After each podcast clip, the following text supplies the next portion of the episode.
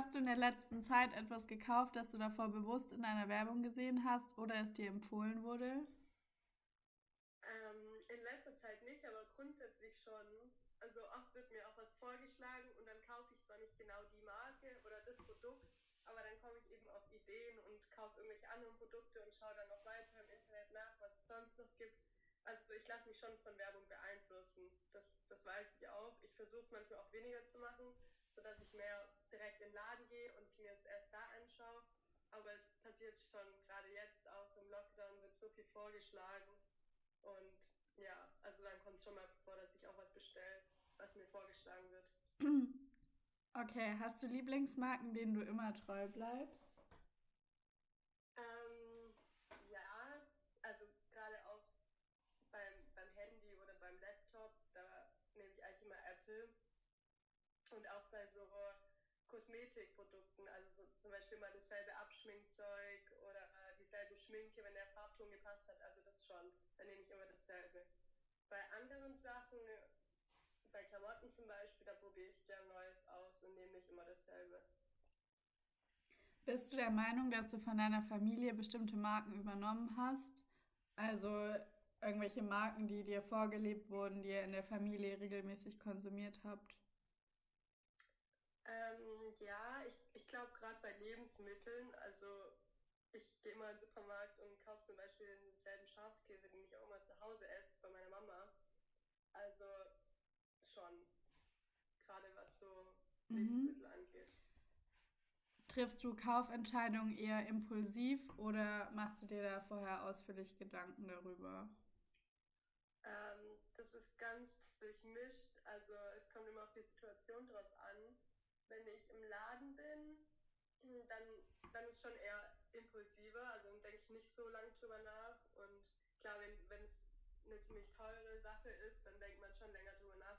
Und gerade wenn ich irgendwie so online irgendwas anschaue, dann, dann denke ich da sehr, sehr viel drüber nach und dann kommt es auch vor, dass, dass ich mal eine Woche später nochmal drauf gehe und es mir nochmal überlege und da bin ich eher zögerlicher und schaue mir alles genau an, wo die Sachen herkommen und wie das mit dem Umtausch ist und solches Zeug und versuche eben zu vermeiden, Sachen zu kaufen, die irgendwie aus USA oder so her importiert werden müssen. Mhm. Also da bin ich eher zögerlicher. Achtest du dann im Supermarkt auch darauf, nur Markenprodukte zu kaufen? Ähm, nee. Also ich versuche schon immer so Gemüse immer Bio zu kaufen und Obst und so welche Sachen. Aber ich kann jetzt nicht sagen, dass ich jetzt nur Markenprodukte kaufe. Also mhm. es kommt eben auch drauf an. Und wenn du dann Markenprodukte kaufst, bist du dann der Ansicht, dass die eine höhere Qualität haben? Ähm, grundsätzlich denkt man ja eher ja, aber das ist auch so eine Sache. Also das ist nicht überall so. Das kommt auch drauf an. Oft steht ja auch Bio drauf, aber es ist eigentlich gar kein Bio mhm. und es ist eigentlich genauso gut wie ein anderer Apfel oder sonst was. Und bei Kleidung finde ich das noch viel, äh, viel, viel mehr so, weil ich meine, oft gibt es ja verschiedene Marken und ähm, die einen kosten doppelt so viel wie die andere, aber es wird alles in derselben Fabrik produziert und mit denselben Stoffen. Und es ist immer schwierig zu unterscheiden. Deswegen grundsätzlich ist es ja so, dass wenn du mehr für ein Produkt bezahlst, dass du auch eine höhere Qualität erwarten kannst, aber oft ist es eben so, dass man dann auch enttäuscht wird, dass man das teure Produkt nimmt, aber eigentlich qualitativ es auf dem gleichen Level ist wie das billigere. Berücksichtigst du Nachhaltigkeit bei deinen Kaufentscheidungen? Also achtest du auch darauf, ob Produkte aus der Region kommen? Ähm, ja, mittlerweile schon früher nicht so.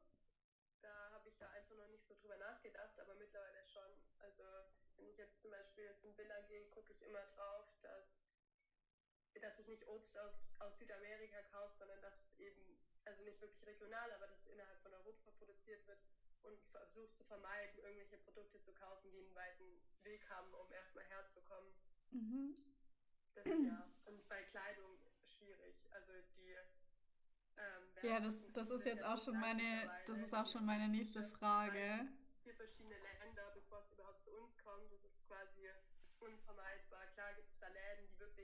hier produzieren, da, da gibst du natürlich auch einen höheren Preis dann dafür aus, aber bei Kleidung muss ich sagen, da, hab, da berücksichtige ich noch nicht so viel. Also ich mir ist bewusst, aber ich, es ist schwierig irgendwie umzusetzen. Mhm. Wie stehst du zu Minimalismus? Wie genau ist das gemeint? Also hast du schon mal davon gehört und könntest du dir das selber vorstellen bei dir? Nenn mir mal. Also Minimalisten, die haben ja versuchen so wenig von allem wie möglich zu haben und ja, einfach. So in allen Bereichen. Ja. Irgendwie mit ganz wenig auskommen. Ja. Ähm, ja, ist. Also, wenn ich jetzt mir so überlege, ich fahre jetzt nächste Woche zu meinen Eltern nach Hause und ich überlege schon, welche ganzen Koffer ich mitnehme für drei Wochen. Also, muss ich sagen, eher schwierig. Wie oft gehst du im Monat shoppen?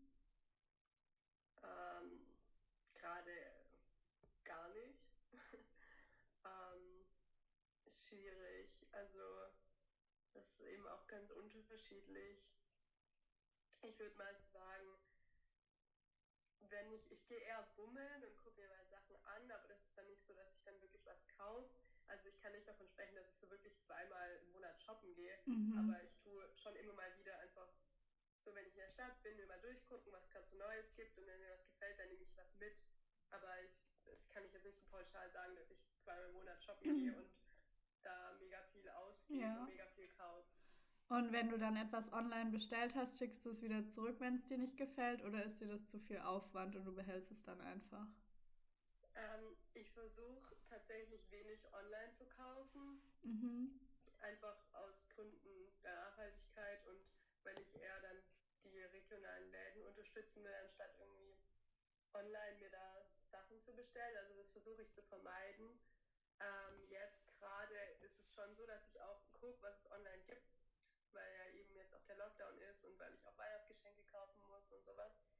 Ähm, aber ich, ich gucke eben wo es herkommt. Und wenn ich jetzt was aus USA bestelle, was eigentlich nicht vorkommt, ganz selten, dann kaufe ich nur Sachen, wo ich weiß, dass ich sie nicht zurückschicken muss, mhm. dass ich sie behalte. Und da, deswegen bin ich da auch so zögerlich, da denke ich genau drüber nach ähm, und schaue mir das dann an, wie das ist und wo die genau ja. herkommen. Also ich versuche es zu vermeiden. Weil du jetzt auch Weihnachten angesprochen hast, siehst du Weihnachten als reines Konsumfest. Wie wichtig sind dir Weihnachtsgeschenke? Ähm, ich finde es schön, sich gegenseitig was zu schenken und mir macht es auch total Spaß, selber Geschenke auszusuchen, die ich anderen schenke. Also ich finde, das ist schon so ein Ding mhm. bei Weihnachten, aber ich sehe das nicht als reines Konsumfest. Äh, also ich, ich finde es schön, dass die ganze Familie zusammenkommt und klar ist Geschenke ein kleiner Teil davon, aber das Eigentliche ist, ist die Familie und irgendwie das Besondere im Jahr ja. quasi zu haben und das Jahr abzuschließen. Äh, man hört ja öfter, dass wir in einer Wegwerfgesellschaft leben. Würdest du dich selber dazu zählen? Brauchst du immer das Neueste von allem oder lässt du auch mal was reparieren, wenn es noch möglich ist? Ähm, also, nee, ich würde mich selber nicht so bezeichnen. Also ich habe ein Handy, das ist seit drei Jahren gesplittert und ich lebe einfach damit. Also ist es bei mir nicht so, dass ich es dann wegwerfe und direkt was Neues brauche, wenn mal irgendwas nicht passt oder sonst was. Und auch wenn ich irgendwas kaufe in sagen wir, einer Hartplastikbox oder keine Ahnung, irgendwie so Trauben in der Plastikbox, dann, dann benutze ich, dann schmeiße ich die Box nicht weg, dann benutze ich die noch für welche anderen Sachen. Also ich würde mich selber nicht bezeichnen so. Okay. Wann war das letzte Mal, dass du auf etwas verzichtet hast und was war der Grund dafür? äh, ich habe gestern beim Einkaufen auf Tomaten verzichtet, weil die nur, es nur Tomaten gab, die in Plastik eingepackt waren. Mhm. Wie bewertest du die Glaubwürdigkeit von Influencern? Ähm, folgt tatsächlich gar nicht so viel Influencern. Also ich bin da gar nicht so äh, im Game. ähm, aber also das ist auch so eine Sache, das, das kommt wahrscheinlich drauf an, von wem wir sprechen.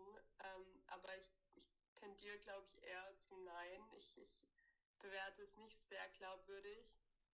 Ähm, ja, eigentlich eher nein, aber ich kann es auch nicht so gut einschätzen. Mhm.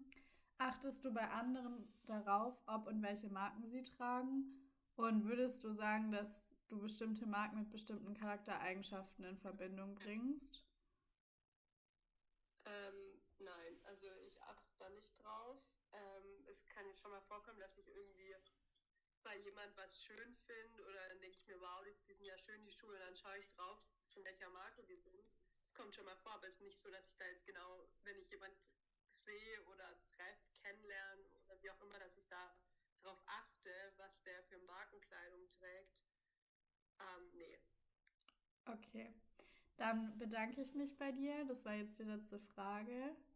Vielen Dank für deine Antworten. Vielen Dank